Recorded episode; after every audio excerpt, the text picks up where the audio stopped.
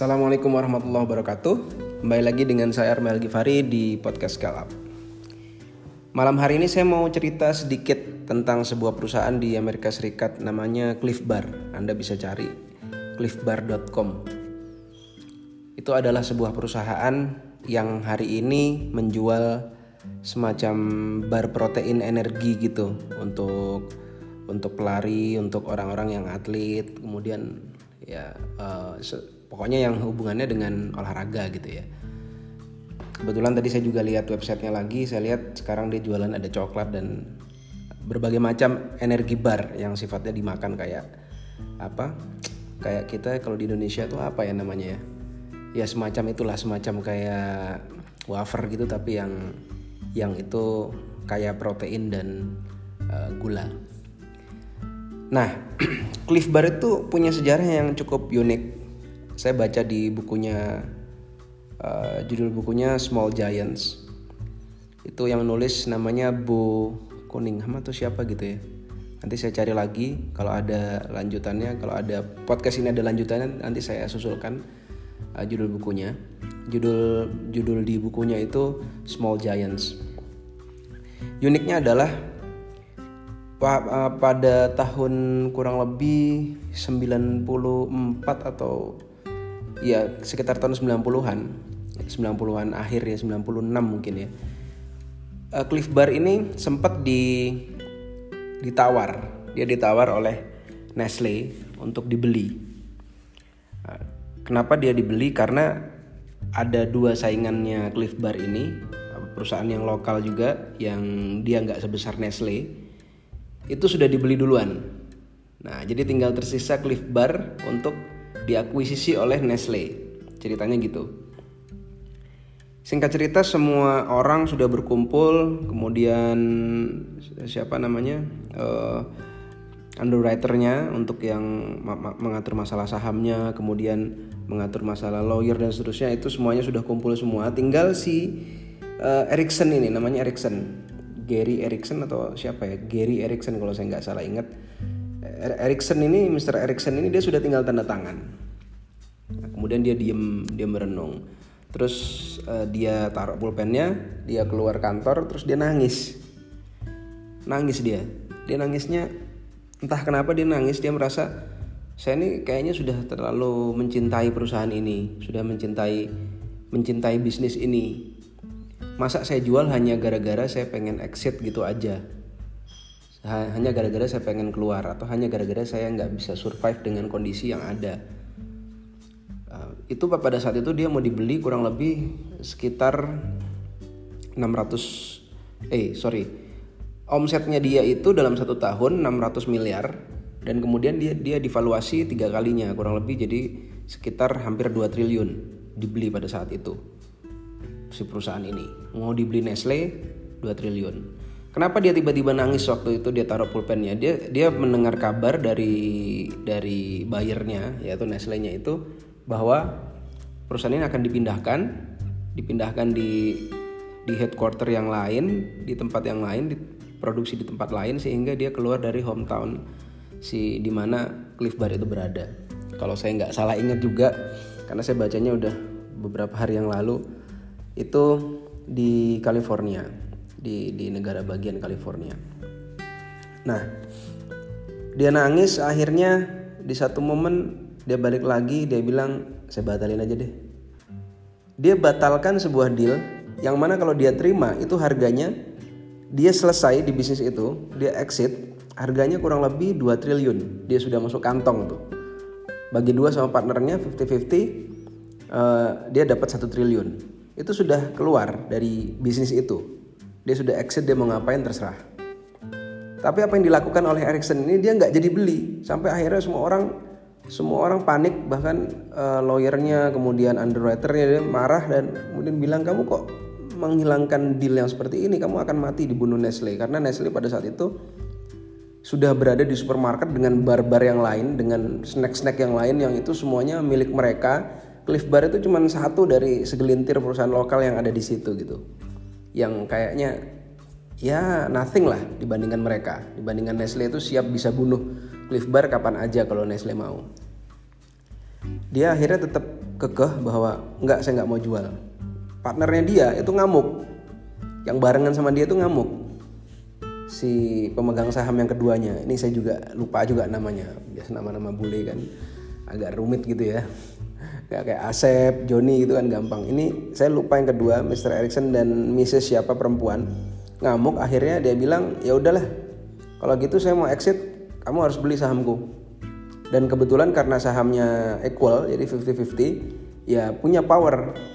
Punya power si si pemegang saham yang kedua ini untuk bisa ngepush uh, siapa Ericsson ini untuk membeli sahamnya dia. Kalau enggak ini perusahaan akan ditutup. Jungkir baliklah Ericsson akhirnya. Saya nggak punya uang sama sekali untuk membeli membelimu.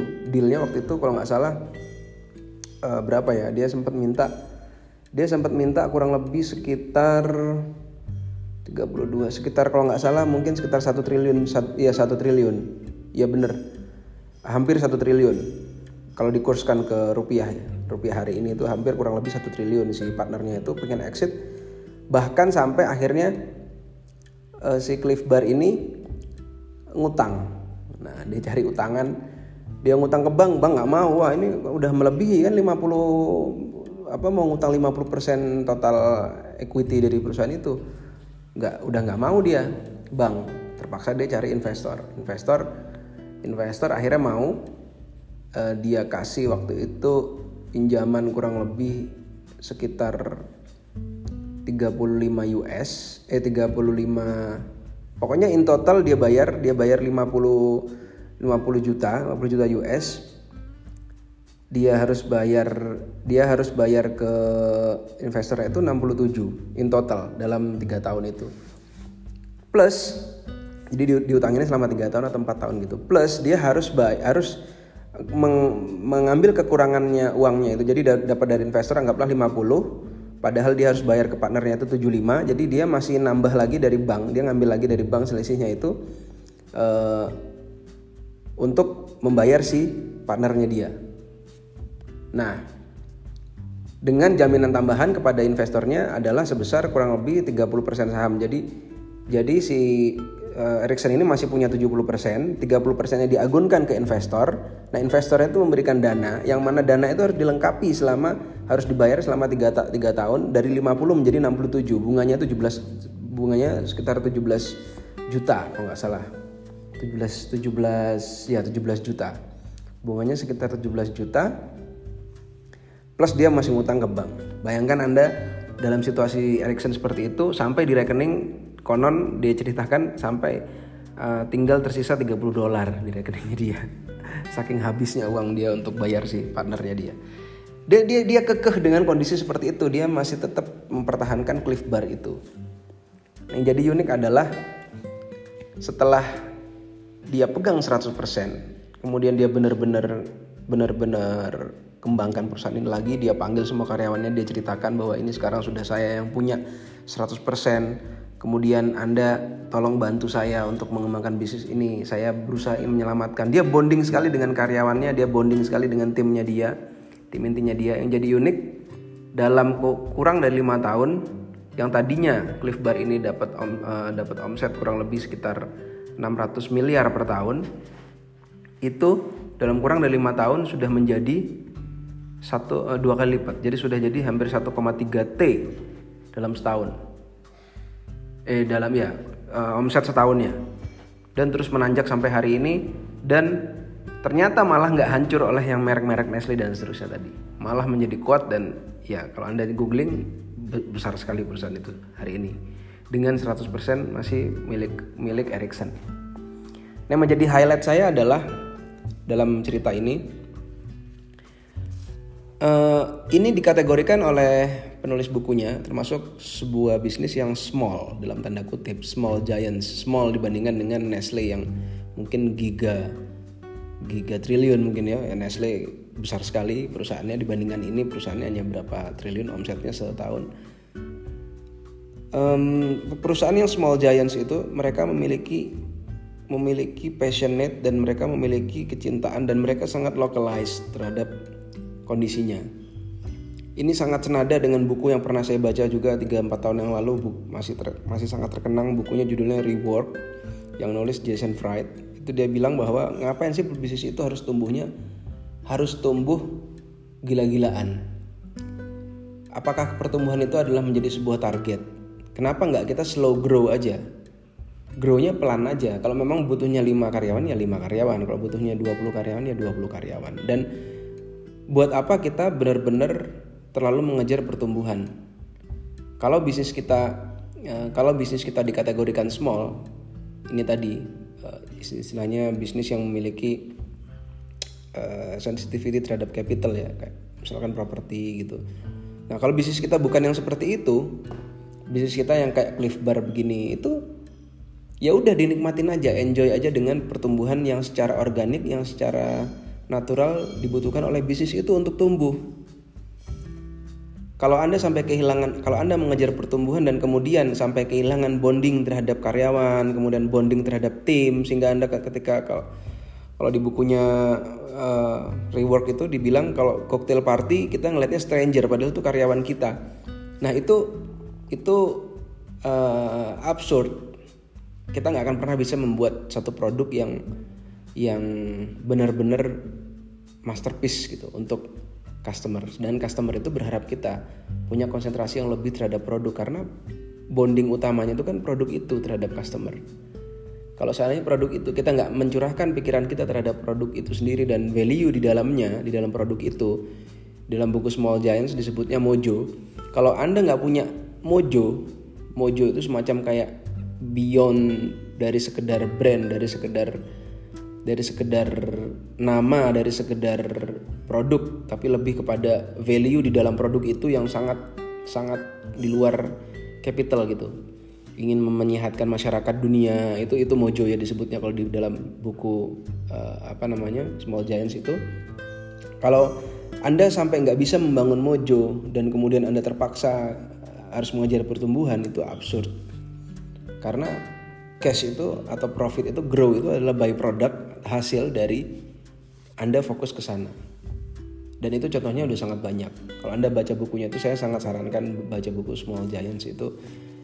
nanti kapan-kapan akan saya ulas dalam satu satu satu apa forum yang berbeda ya bukan di podcast seperti ini tentang Small Giants itu jadi beberapa karakteristik perusahaan-perusahaan yang disebutnya sih small saya mikirnya tadi small tuh kayak warung gitu ternyata smallnya dia itu ya small triliun wah ini small juga ternyata ada karakteristik kayak dia bonding terhadap karyawannya kemudian dia sangat localized terhadap uh, orang-orang di sekitarnya jadi justru perusahaan ini yang dekat membantu masyarakat uh, apa namanya di sekitarnya mereka di sekitar mereka atau mungkin di kota mereka uh, mereka ngasih contoh banyak dalam dalam di buku itu banyak ada ada 12 kasus.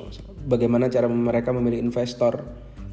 Investor seperti apa yang memang fit dengan bisnisnya mereka itu sangat unik. Jadi highlight dari podcast saya kali ini adalah tentang yang pertama kalau Anda pengen grow, pikirkan dulu grow-nya itu apakah benar-benar murni karena Anda butuh untuk grow. Butuh ya beda butuh ya. Udah kebutuhan titik terakhir udah nggak bisa harus harus terpaksa grow ya grow.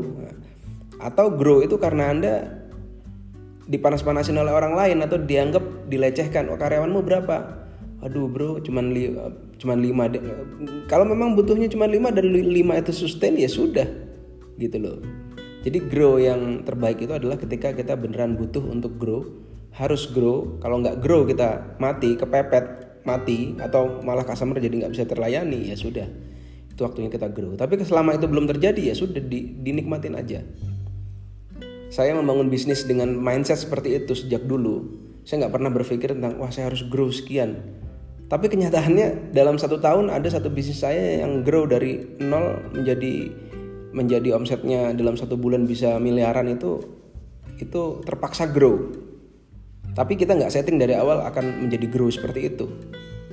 Dan itu rasanya lebih apa ya lebih kita lebih memiliki value terhadap bisnis itu dan memiliki kecintaan lebih terhadap bisnis itu.